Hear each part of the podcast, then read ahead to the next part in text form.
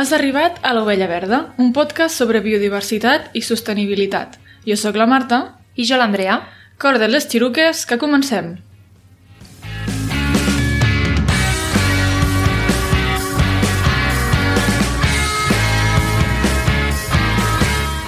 Aquest podcast pertany a la xarxa de podcast de ciència i medi ambient Podcastidae.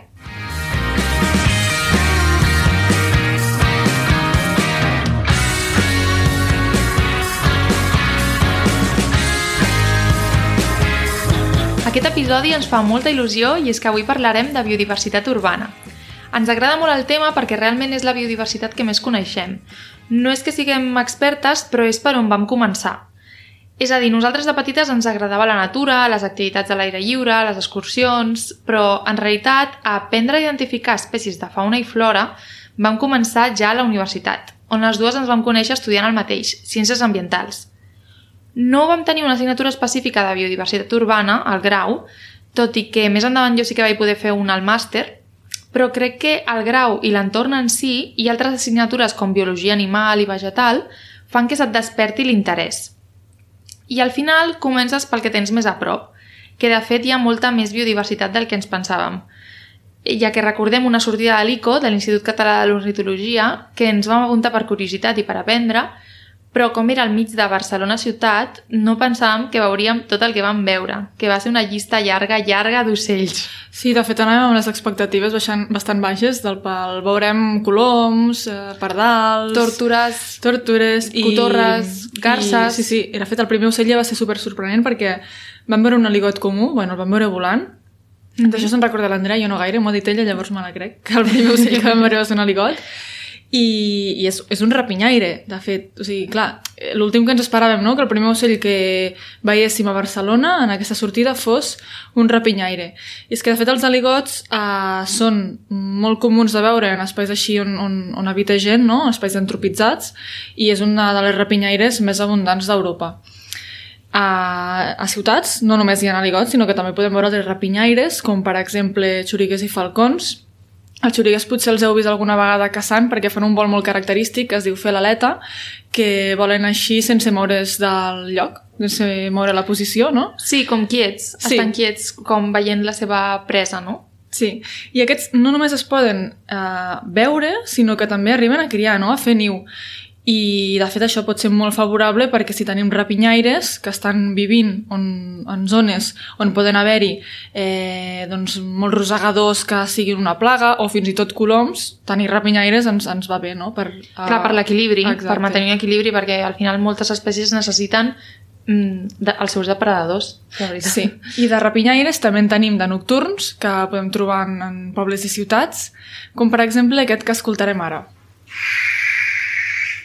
Sabeu quin és? Uh, sembla que sigui algú fent-nos callar, no? de fet crec que hi ha anècdotes de gent que, venen per un poble han sentit aquest soroll i es pensaven que hi havia algú fent-lo callar, però en realitat és una rapinyaire nocturna que acostuma a estar més als pobles que a les ciutats, que és l'òliva, i bueno, malauradament eh, té associada a ella doncs, moltes històries de por i de tenebres, que no sabem ben bé per què, però Bueno, eh, suposem que llegendes urbanes, no? Sí, jo no, no, no sé ben bé l'origen, no ho he buscat mai, només sé com aquesta relació, però bueno, és cert que acostuma a fer niu a llocs abandonats, mm -hmm. però no sé si ben bé, bé per una altra cosa, tot, tot això. En fi, seguint amb el fil de l'excursió urbana amb l'ICO, aquell dia vam veure moltes mallarengues, m'atreviria a dir que totes, potser. La més comú potser és la mallarenga carbonera, però també està la mallarenga blava, la mallarenga llarga, la mallarenga petita, la mallarenga emplomallada...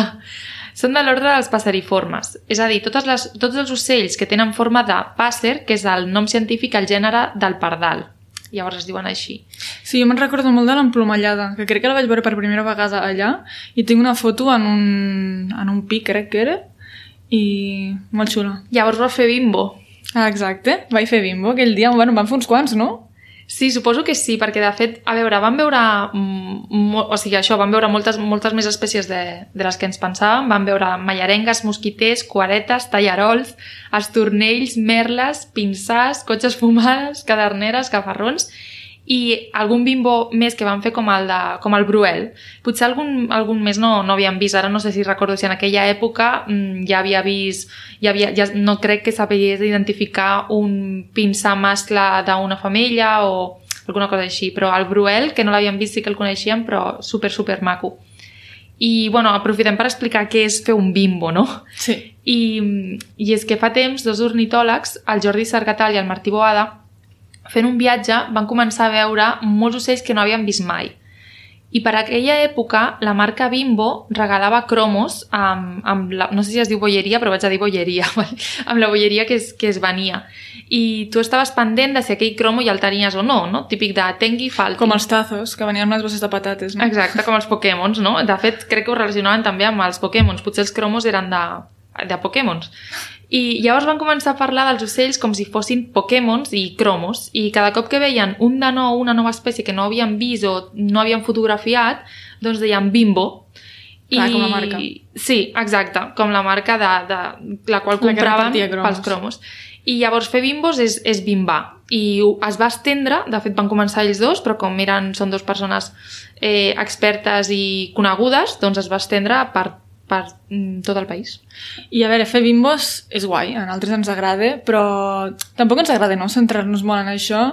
Crec que potser el que gaudim més és d'espècies que, que encara que ja haguem vist poden ser molt espectaculars, com per exemple els estornells. No sé si, si heu vist mai a l'hivern que formen aquests estols eh, tan grans no? que van, van volant eh, de forma sincrònica, sense mm -hmm. topar-se uns amb altres. És molt, molt bonic. Ja pujarem algun vídeo al nostre Instagram perquè ho veieu. Però és això, a l'hivern els podem veure més, tot i que són residents, és a dir, que els podem aquí, els podem trobar a Catalunya tot l'any. Sí. Sí, també hi ha altres aus que podem veure a pobles de ciutats, per exemple, molt típic, no?, als parcs, eh, veure-hi ànecs, o oques, o cignes. Uh, per exemple, l'ànec més típic que podríem veure és l'ànec collverd, que com el seu nom indica tenen el coll verd, però només els mascles perquè les femelles són de color marró. I sobre això volem afegir una coseta, que és molt típic alimentar els ànecs i altres ocells com els pardals amb pa, però realment no és, no és beneficiós, ja que si s'ho mengen no té nutrients, se'ls omple l'estómac i deixen de menjar el que haurien de menjar. I és més, els hi pot provocar una malaltia que es diu malaltia de l'ala d'àngel, que sobretot pateixen ànecs, oques i cignes, i, i els hi passa quan tenen una alimentació amb molta càrrega energètica i poques vitamines. Llavors, clar, el ritme de creixement és molt ràpid i les ales no són capaces de suportar el pes de les plomes. Llavors el teixit que suporta les plomes es corbe i, i bueno, les, eh, les plomes es deformen i ja l'animal no pot volar. O sigui que quan l'animal és adult i això ja no es pot revertir i bueno, que aquell animal ja no podrà volar mai més. Per tant, mm, no els hi dongueu pa, eh, és millor no donar res, ells ja saben sobreviure perfectament, però si els hi voleu donar pa no, si us plau, morès cru, pèsols congelats, enciam, eh, llavors paraus, raïms, cucs de terra, no? Algo més Exacte. mm, que tingui més vitamina i no tant contingut de... de... Bueno, Sí, sí. Eh, està, està molt estès, de fet, jo alguna vegada no, no he volgut dir res per no incomodar, però és veritat que és molt important divulgar-ho mm, i, en fi, per això... sí, perquè a vegades potser ens pensem que els hi fem un favor i realment és tot el contrari, no? Donant-los pa. Sí, exacte. Igual que els pardals i això acostumem, però és com si nosaltres ens mengéssim cada dia una hamburguesa del McDonald's, no? Clar. o un Doritos o coses Sí, així. sí, no, sí. No, no té nutrients allò, o sigui, fa que estiguis saciada però no estàs ben alimentada. Mhm. Llavors és una mica el mateix. I bueno, no voldríem mono- monopolitzar l'episodi només parlant d'ocells, perquè no sé quants minuts portem, però només estem parlant de d'ocells. 8 minutets d'ocells. Ah, bueno, el que es mereixen, però a veure, és que ja veieu que les dues els hi tenim estima perquè és per on vam començar, perquè dels animals és dels que es veuen més realment, es veuen més i, i millor, tot i que els insectes també es veuen molt bé, però no són tan fàcils d'identificar. Crec que a vegades necessites eh, molta més estona i estar a casa i mirar-ho. I en canvi amb els ocells són, són bastant més agraïts. Llavors creiem que per començar a aprendre a identificar espècies, els ocells són una bona opció. I voldríem tancar la secció d'ocells mencionant que tenim un parell d'episodis al podcast sobre uranetes i falciots i un que està al nostre primer podcast en castellà de la oveja verde que es diu ¿Qué hacer cuando te encuentras un pollito en el suelo? I us el recomanem perquè està molt relacionat amb la biodiversitat urbana. Sí, doncs tancant aquesta secció, si et sembla, parlem ara d'uns altres animals que també volen, però que no són ocells. Són mamífers i, i suposem que ja sabeu quins són perquè els únics mamífers que han aconseguit conquerir el medi aeri són els ratpenats i per això també es mereixen una secció en aquest episodi. Eh, els ratpenats són animals super incompresos perquè la gent els hi té entre fàstic i por potser és mm, per l'imaginari popular o per les pel·lícules, no?, que el relacionen molt amb vampirs, amb la nit, tenebres, també una mica com l'òliva. I volíem desmitificar una miqueta això, perquè, a veure, sí que hi han tres espècies de ratpenats que veuen sang, però d'animals, com vaques, tot i així, només són tres espècies d'entre més de mil espècies de ratpenats que existeixen a tot el món i aquestes tres espècies eh, viuen al Centroamèrica i Sud-amèrica. Per tant, aquí mmm, no us trobareu cap ratpenat d'aquest tipus i si se'ls trobéssiu a Centroamèrica i Sud-amèrica no són cap mena de perill per l'ésser humà. Llavors, els d'aquí, de què s'alimenten? Doncs són insectívors, mengen insectes, per tant són molt importants eh, en quant a, a control de plagues d'insectes, no? els mosquits a l'estiu que tant ens molesten, doncs mm -hmm. els mhm. ratpenats ens ajuden en això. A altres llocs també són polinitzadors i dispersors de, de llavors, així que s'alimenten de nèctar, polen i fruites. Mm, quins altres mites hi ha? Doncs que són secs. I això eh, és, és fals, perquè sí que poden veure A més de guiar-se per ecolocalització, com segurament ja sabeu. Tenen uns ulls força petitons que els permeten, quan hi ha llum suficient, veure el món en blanc i negre. Um, la, majoria, la major part d'espècies emeten crits d'ecolocalització a freqüències tan altes que nosaltres no es podem sentir. Són el que anomenem ultrasons. Llavors aquests ultrasons, no, aquestes ones, reboten contra el que els rodeja i ells ho tornen a rebre i ho perceben a través de les seves orelles. Molt bé, Marta, espero que crec que els has convençut de que no són perillosos. Eh, I si fan... A veure, del perill ho tenim clar, doncs, però si fan fàstic, que això és més subjectiu, no? Creiem que fins i tot això es pot deconstruir. I perquè Podeu mirar el nostre vídeo a Instagram i a YouTube sobre el programa de seguiment de ratpenats eh, del Museu de Ciències Naturals de Granollers. Aprofitem per fer més spam. Falca publicitària. I on expliquem de què va aquest projecte de Ciència Ciutadana i a més hi ha imatges superboniques dels ratpenats, ens semblen adorables. Sí, és que i... realment, quan, quan veus una foto allò cookie d'un ratpenat, és... són molt sí. macos. Jo crec que se t'ha de treure el fàstic. Sí. Però bueno, a veure, mentre tinguis fàstic però respectis igual, això també s'accepta, sí. no? I... Tanquem secció ratpenats? Sí, tanquem secció ratpenats. I... A quina secció entrem ara? Doncs jo crec que la, de, uns animals que eh, són els més abundants però els que menys es valoren perquè no empatitzem i són els que comúment es diuen bitxos, o sigui, els bitxos, eh, que són els artròpodes. No? Els artròpodes eh, són un fílum, un grup d'animals invertebrats que inclouen els insectes, els aràcnids, els crustacis i els miriàpodes. Això no... els artròpodes, eh? Sí, Va. o sigui, dintre l'artròpodes trobem tots aquests, que ara no començarem a parlar de tot això, però que sapigueu que és el grup més gran de tot el món animal. Hi ha més de 1.300.000 espècies descrites i en la seva majoria són insectes i representen, atenció a la dada, representen almenys el 80% de totes les espècies d'animals conegudes. Sí, que amb tantes espècies i amb tants animals, segur que als pobles i a les ciutats n'hi ha moltíssims. Exacte. A veure, no són tan famosos, no s'investiguen tant, ni es valoren tant, jo crec que per, entre que són petits i considerats lletjos, no? i que a més, bueno, de manera natural suposo que és, és més normal empatitzar amb mamífers que amb, que amb artròpodes, mm. però a veure, investigar s'han d'investigar igual, que estem parlant de ciència, no? Entenem que la ciutadania bueno, que costi més, però per això estem aquí, per parlar dels de, artròpodes, aprofitar una mica, perquè a més són superimportants i la clau dels ecosistemes. I de fet hi ha un, un grup no, que és supervistós, jo crec que sí que a tothom li sol agradar, que són els lapidòpters, les papallones, i, i podem parlar, si vols, de papallones. Tenim un parell de papallones que ens resulten molt curioses, com la migradora dels carts, que és la Vanessa Carduí, i la Talanta, la Vanessa Talanta. Um, M'expliques una mica la, la migradora dels cards? Sí, la migradora dels cars, que com has dit és, el nom científic és eh, Vanessa Cardui. Comencem a parlar de les pavallones que em fa gràcia que siguin realment les, potser les més acceptades, les més vistoses, però és que aquestes dues espècies són espectaculars perquè crec que és difícil imaginar-se que les papallones puguin migrar, perquè, a veure, la majoria de papallones, quan arriba el fred, passen per una fase de diapausa per resistir el període desfavorable, que és perquè ens entenguem com una hibernació. Però hi ha algunes poques espècies de papallones que migren, i la migradora dels cars, la Vanessa Cardui, la, la trobem en zones urbanes i efectua un viatge espectacular, tot i que el fan diferents generacions d'individus. O sigui, no és un mateix individu que fa un, un munt de quilòmetres, sinó... Això em sembla espectacular, sí, eh? és que és, és flipant, o sigui, com s'aconsegueixen orientar, no? Eh, la cosa és que fa una migració, o sigui, la generació d'individus són entre 6 i 8 generacions que fan aquests viatges, un viatge de 6.000 quilòmetres, des del nord d'Europa fins a l'Àfrica. I a la tardor, la migradora dels cars desapareix gairebé completament d'Europa i es desplaça fins a diferents zones del nord de l'Àfrica, on les condicions són més favorables.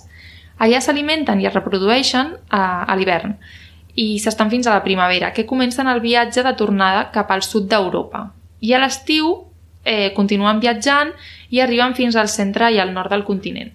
I a finals d'estiu es torna a iniciar el cicle i van cap a l'Àfrica, a poc a poc, de generació en generació. déu nhi Perquè més el que em sembla supercuriós és que no és un mateix individu que fa tot aquest viatge, sinó que l'espècie en si, no, aquestes poblacions, de generació en generació, van fent tota la migració. Sí. És, és, És algo... que se'm posa la pell de gallina. Sí, sí, és que és molt fort. Sí, perquè són, al final són molt petites, no? I, i com ah, també travessen el mar i de fet es poden parar en alguns vaixells a descansar. Uau. Perquè, ah, sí, em, em sona haver vist algun vídeo... Bueno, d'ocells ho he vist. Algun vídeo d'un vaixell al mig del mar ple de... Sí, els ocells també ho fan. D'ocells. També aprofiten les corrents d'aire, Sí. no només agafen i volen, són intel·ligents o no en aquest sentit. I bueno, després està la, la Vanessa Atalanta, no? el nom comú que és Atalanta, simplement. Aquest és fàcil d'aprendre perquè hi ha alguns noms científics que, que té lita.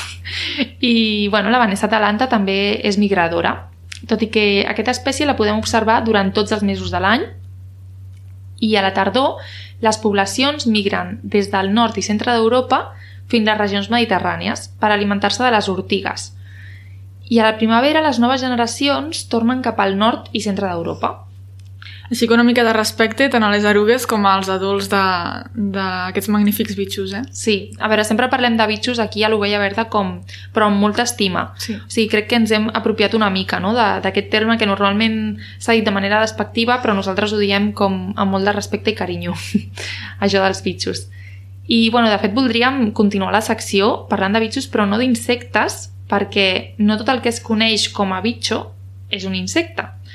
I és el cas dels porquets de Sant Antoni, que també es diuen isòpodes, que són els típics, jo ho coneixia més en castellà a la meva escola, que els típics bitxos bola o les cotxinilles. Jo els hi deia porquets. Molt bé, tu ets, eh, bueno, demostrant... el, Demostrant que parlava català bé de la meva infància. exacte, exacte, gràcies. Gràcies, gràcies. Llavors, és el típic bitxo que coneixes quan ets petita i no sé vosaltres, però la, almenys a la meva escola n'hi havia i ens agradava man- manipular-los perquè es tornaven una Sí. boleta perquè és la seva posició de defensa i en aquell moment s'estaven defensant de nosaltres. Llavors, és millor no molestar-los gaire. Clar, pobrets, en aquell moment era divertit, però ara és com... Sí, no ens mataven bé, però, però a veure, es, quan tu els manipules i es tornen bola, s'estan estressant. I clar, jo no considerava que aquell bitxo s'estigués estressant, però matar-los, no, això sí que no, eh? que recordo tenir com eh, Empatia. moments... Sí, sí, recordo lluitar contra altres nens que mataven les formigues i això, vull dir, això almenys ho tenia. Els hi deia bitxos bola, però l'altre tenia bo, saps? Ho tenia bé. Està bé això. Sí, i, ah, i el més interessant d'aquests bitxos és que són crustacis, no O insectes. sigui, com els crancs. Exacte, o sigui que aquí el cap pot, ser- pot fer com una explosió, però realment, per diferenciar una mica crustacis d'insectes, és que els crustacis tenen quatre antenes i poden tenir diverses, diversos parells de potes. I en canvi els insectes sempre, sempre tenen sis potes. Llavors, eh, aquest, aquest porquet de Sant Antoni bueno, està classificat... És que a més tenen el cos dividit en segments diferents, o sigui que mm, són característiques diferents entre crustacis i insectes i el porquet de Sant Antoni és un crustaci. Per tant, ara sí ja sabem que els insectes només tenen sis potes, significa que les aranyes que en tenen vuit tampoc són insectes, no? Són, són aràcnids. Exacte. I, i bueno, parlant d'aranyes també, eh, doncs, òbviament les hem de respectar més i aprendre a conviure amb elles. Sabem que també hi ha gent aquí els hi podem fer fàstic, però de fet, si no les volem a casa, les podem agafar amb un paper i un got i portar-les a fora. Però si les tenim a dins, eh, ens faran un favor, ja que són depredadores dels mosquits que tant ens molesten. Mm -hmm. No? Sí, sí, exacte. I això ho dic jo, que tinc fòbia a les aranyes. Però, Ah, sí? sí, però m'estic aplicant no, a... No ho sabia. Sí, les tolero, ara ja les tolero. Sí, sí. I els opilions?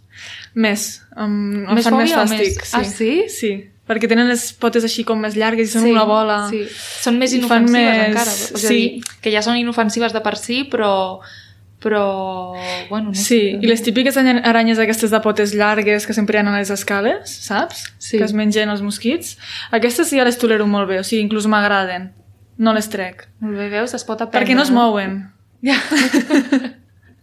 vale, vale. Ja, bueno, és que quan típic bitxo que de, ja de per si et fa fàstic i de sobte comença a volar, encara és pitjor, no? Sí, les aranyes que es mouen molt ràpid, és com on t'has ficat, sisplau, et vull veure, saps? Ja, això és important.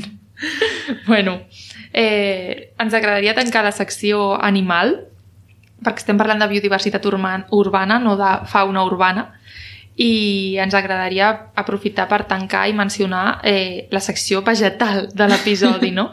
Eh, ja que al final el que, una cosa que sí que veiem cada dia, tant a pobles com ciutats, són plantes. Mhm. I què passa? Que realment la majoria d'arbres que veiem a les ciutats i als pobles eh, realment són exòtics, eh, tot i que en alguns jardins urbans com que es fusiona tot, com Sí. espècies al·lòctones i autòctones, és a dir, o sigui, no pròpies del territori i algunes que sí que són pròpies del territori. Com diu una amiga nostra, a vegades els jardins aquests urbans són una mica bizarros, Sí. perquè tenen arbres i espècies com super mm, diferents, o sigui, algunes que potser són de Sud-àfrica, després en tens un altre que és d'Austràlia, un altre de la Xina, llavors és Sí. com un lloc on s'ajunten un munt d'espècies que naturalment tenen uns nínxols i uns ecosistemes super diferents, doncs, totes allí juntes al Sí, mateix sí. lloc. De fet, ens ho va dir l'Alba, que la vam convidar al Sí. podcast, que també podeu escoltar aquest episodi sobre intel·ligència animal, no sé quin número Animal és. no vegetal. Ai, això, intel·ligència. Ai, Ai, ai, Andrea, que et traeix el cervell. ja, ja, ja.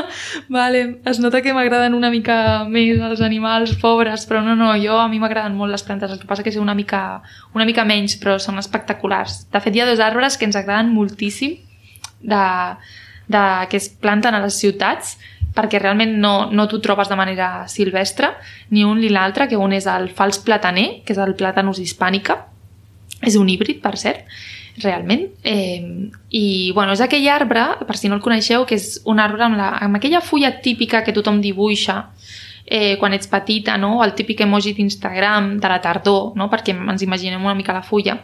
I el tronc és, és ample i és claret, com gris verdós, i a l'escorça té com taques que en realitat són plaques irregulars que es poden desprendre i Mm. són més blanquinoses. Sí, se'ls desprèn l'escorça. Llavors, eh, és un arbre molt urbanita, m'agrada dir, dir la paraula, el terme arbre urbanita. Eh, és molt típic i el veiem plantat a tot arreu, no dona plàtans, vale? recordem, es diu fals plataner. Sí, jo de petita pensava, però si es diu plataner, per què no sí. té plàtans? Bueno, de fet, jo l'he buscat. Quan l'he buscat a Viquipèdia sortia plàtan, plataner, o sigui, no sortia fals plataner. O sigui, jo Sortia terme- plataner, no? És que jo, jo Sí. el conec sempre de plataner. Sí, de fet, no sé si me l'he inventat jo, de fals plataner, o és que ho he vist a les xarxes o I de així. fet algú, o sigui, com recordo gent dient, no, allà els plataners, no sé quantos, i jo pensava, però si no hi ha plataners Sí, a l'Espluga, no Sí. hi ha plata. quan, quan, jo crec que quan ets petita t'explota una mica el cap, en plan no entens per què els adults fan això, no? Llavors, per què aquest nom? Es va ficar el nom molt abans que els plataners dels quals ens alimentem avui en dia. És a dir, plàtan és una paraula d'origen grec que significa ample, per lo grans que són les seves fulles precisament. I no sé, no, això mm, no ho he buscat, però no sé si també per lo gran que és la ombra, perquè és Ah, impressionant l'ombra que fa. O sigui, no ho sé, però en principi el que he trobat és que és per, la, per les fulles. O sigui, plàtan significa ample, en, en, d'origen grec. Llavors, no sé com va sorgir després els plàtans com a fruita. Això, si algú ens ho pot... Potser perquè són amples. En plan, se'ls han mirat com al revés, i en lloc de dir que són llargs, diuen que són amples. Ja, ho sé, ho sé. O sigui, realment sé l'origen de que el plàtan és ample i per això l'arbre es diu plataner. Clar, és que realment se li diu plataner i no els plataner perquè realment el primer va ser ell. va ser plataner. El s'hauria de dir la fruita, el plàtan, fa els plàtan o alguna cosa així. Ai, que estrany. Però bueno, si voleu continuar una mica més la història, sabeu alguna cosa, ens ho podeu comentar. Però ens resulta curiós. Mm. Eh, un apunt més sobre l'espècie és que suporta un grau de contaminació alt i els llargs i freds hiverns, cosa molt important a la ciutat realment, les dues coses, no? Però no tot és tan guai, perquè entre maig i abril és la seva època de, polinitza de polinització i el seu polen produeix certes al·lèrgies. Eh, Nosaltres no tenim aquest problema, Mm. però Hi ha gent que té bastant problema amb el tema de l'al·lèrgia al plataner. sí, O flas, i que, no, i que no vol plataners a les ciutats, però nosaltres sí que en volem perquè a l'estiu volem ombra. Però són autòctons? Eh, no, clar, o sigui, mm, crec que un, o sigui, és un híbrid de dues espècies, que un era d'Àsia i un altre de, de Sud-amèrica, crec, o de Centroamèrica. Llavors, mm, crec que es cultiva, es deu cultivar, i, i de manera silvestre a les nostres latituds no hi és. Vale. Mm, Ja no he buscat més informació. S'hauria d'estudiar també si potser hi ha alguna alternativa autòctona que pugui ser similar, Ja. no? Ja, a més, no només el polen, sinó que els seus fruits, bueno, les seves infructescències, és a dir, grup de, o sigui, un conjunt de fruits, eh, són aquelles boles i es diuen pica-pica perquè irriten la pell amb els seus pèls exteriors. O sigui que el guai és la ombra, però bueno, té altres cosetes que a mi no em molesten i vull que estiguin. Sí, és que a més m'agrada molt el goig que fan. fa molt de goig, sí. Sí. I un altre arbre que volem comentar és el Jingo biloba, que jo sé que a tu t'agrada molt, Andrea, aquest. Sí, sí, m'encanta. A més, no té nom comú i em sembla que tota espècie que no tingui nom comú com l'aloe vera és, eh, promet, no? Sí, doncs aquest arbre és, és un arbre que s'identifica molt bé per la fulla, ja que és relativament petita i té forma de ventall, i a la tardor es torna tot groc quan les fulles cauen, i bueno, quan les fulles cauen deixa catifes de grogues molt xules. Doncs aquest arbre és un fòssil vivent. Els fòssils del gènere Ginkgo són de fa 200, entre 270 i 250 milions d'anys, més o menys des de l'aparició dels dinosaures. Uh, llavors, hi ha una classe, ordre, família i gènere només per a aquesta espècie. Clar, normalment em, el, les classes, i- ordres, famílies, gèneres inclouen diferents espècies, exacte. Hi ha com espècies que tenen eh, la mateixa família, llavors el mateix ordre, no? N'hi ha més d'un en aquestes classificacions, però aquest arbre té tota una classificació des de ordre, eh, una des de classe, només per ell. I no té parents vius. És d'origen asiàtic, de la Xina, i a Europa es cultiva en plantacions, perquè aquí doncs, està molt ben valorat com a arbre ornamental. Uh, llavors, com a última dada d'interès, que em sembla molt curiós, és que un any després de la bomba d'Hiroshima, a un quilòmetre de l'explosió, un vell ginkgo biloba, que bueno, va ser arrasat per la per l'explosió, va començar a brotar al costat d'un temple destruït. I des de llavors és un símbol d'esperança. És que és tan maco. Ja. és que m'encanta aquest arbre. Que, a veure, hem parlat de dos arbres que realment és això, que es planten, no? Però, i de, i de fet, pot ser un risc, que no volíem no mencionar-ho a l'episodi això, que això de plantar espècies exòtiques eh, pot derivar a espècies invasores, tot i que ara no entrarem en això, però ha passat i segueix passant que entres una espècie com ornamental eh, i, bueno, se lia, se lia, Se lia. es lia moltíssim. No és el cas d'aquestes dues espècies, hem de dir, o sigui, estan, o sigui, no es planten i ja està.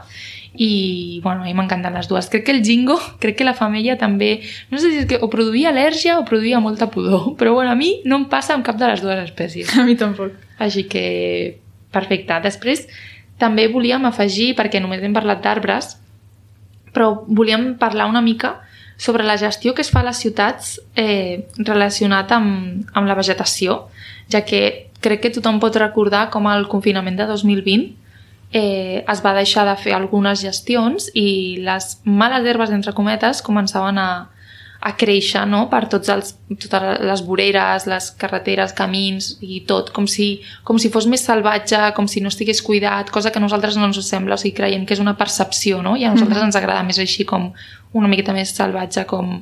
hi ha gent que potser diria que està descuidat. Però la cosa és que crec que pot haver-hi un equilibri entre abandonar completament la gestió o fer una gestió més selectiva i de fet hi ha una campanya, un Instagram que coneixem que es diu Escocells que, Amb K. amb K, perquè, a veure, els escocells són aquell clot que hi ha al voltant de l'arbre plantat, o sigui, com aquell quadrat eh, Sí, que normalment hi ha terra i ja està, no? I en aquell podrien créixer, eh, en aquell clot podrien créixer espècies mm, més ruderals, com de marges, o sigui, que creixerien naturalment, o es podrien plantar plantes eh, adequades, i això afavoriria la presència d'artròpodes dels animals que hem comentat abans, i al final tenir biodiversitat al voltant és molt necessari. Llavors, ens agradaria com fomentar que es fes una, una bona gestió de, en aquest sentit dels, dels escocells. Sí. Sí, és molt important això. Jo crec que portem ja una bona estona i si vols ho podem deixar aquí, però abans d'això m'agradaria mm, fer unes petites conclusions del que hem anat parlant avui. Jo crec que ens ha de quedar clar, després de haver anomenat totes aquestes espècies que hem anomenat i moltes altres Sí. de, que, de les que no hem parlat, Hem no? anat a pinyon perquè Clar. capiguessin. Ens hem deixat mm, mamífers, micromamífers, amfibis i rèptils. Bueno, Sí, mamífers n'hem anomenat, anomenat un, però Bueno. vull dir, ens hem deixat Sí, sí. moltíssims que estan presents a pobles i ciutats. Mm. I tot i així hem vist que per aprendre de biodiversitat no cal marxar a Kènia, ni a Tanzània, ni a Tanzània, ni a. Tailàndia, ni... Um, fora de casa, al teu poble, a la teva ciutat, al teu carrer, uh, hi ha biodiversitat, només cal saber-la veure. No? Sí, sí, exacte. És a dir, que, que es, es, pot fer, es poden fer aquests viatges, eh? però, però que no cal potser dir que aquí no n'hi ha de biodiversitat perquè sí que n'hi ha, només que potser cal agafar la lupa o els prismàtics. Ai, tu. Sí. I, bueno, podríem, ho podríem deixar aquí. Sí, jo crec que ho de deixar aquí. Ens, ens escoltem a la propera. Fins la propera. Moltes gràcies.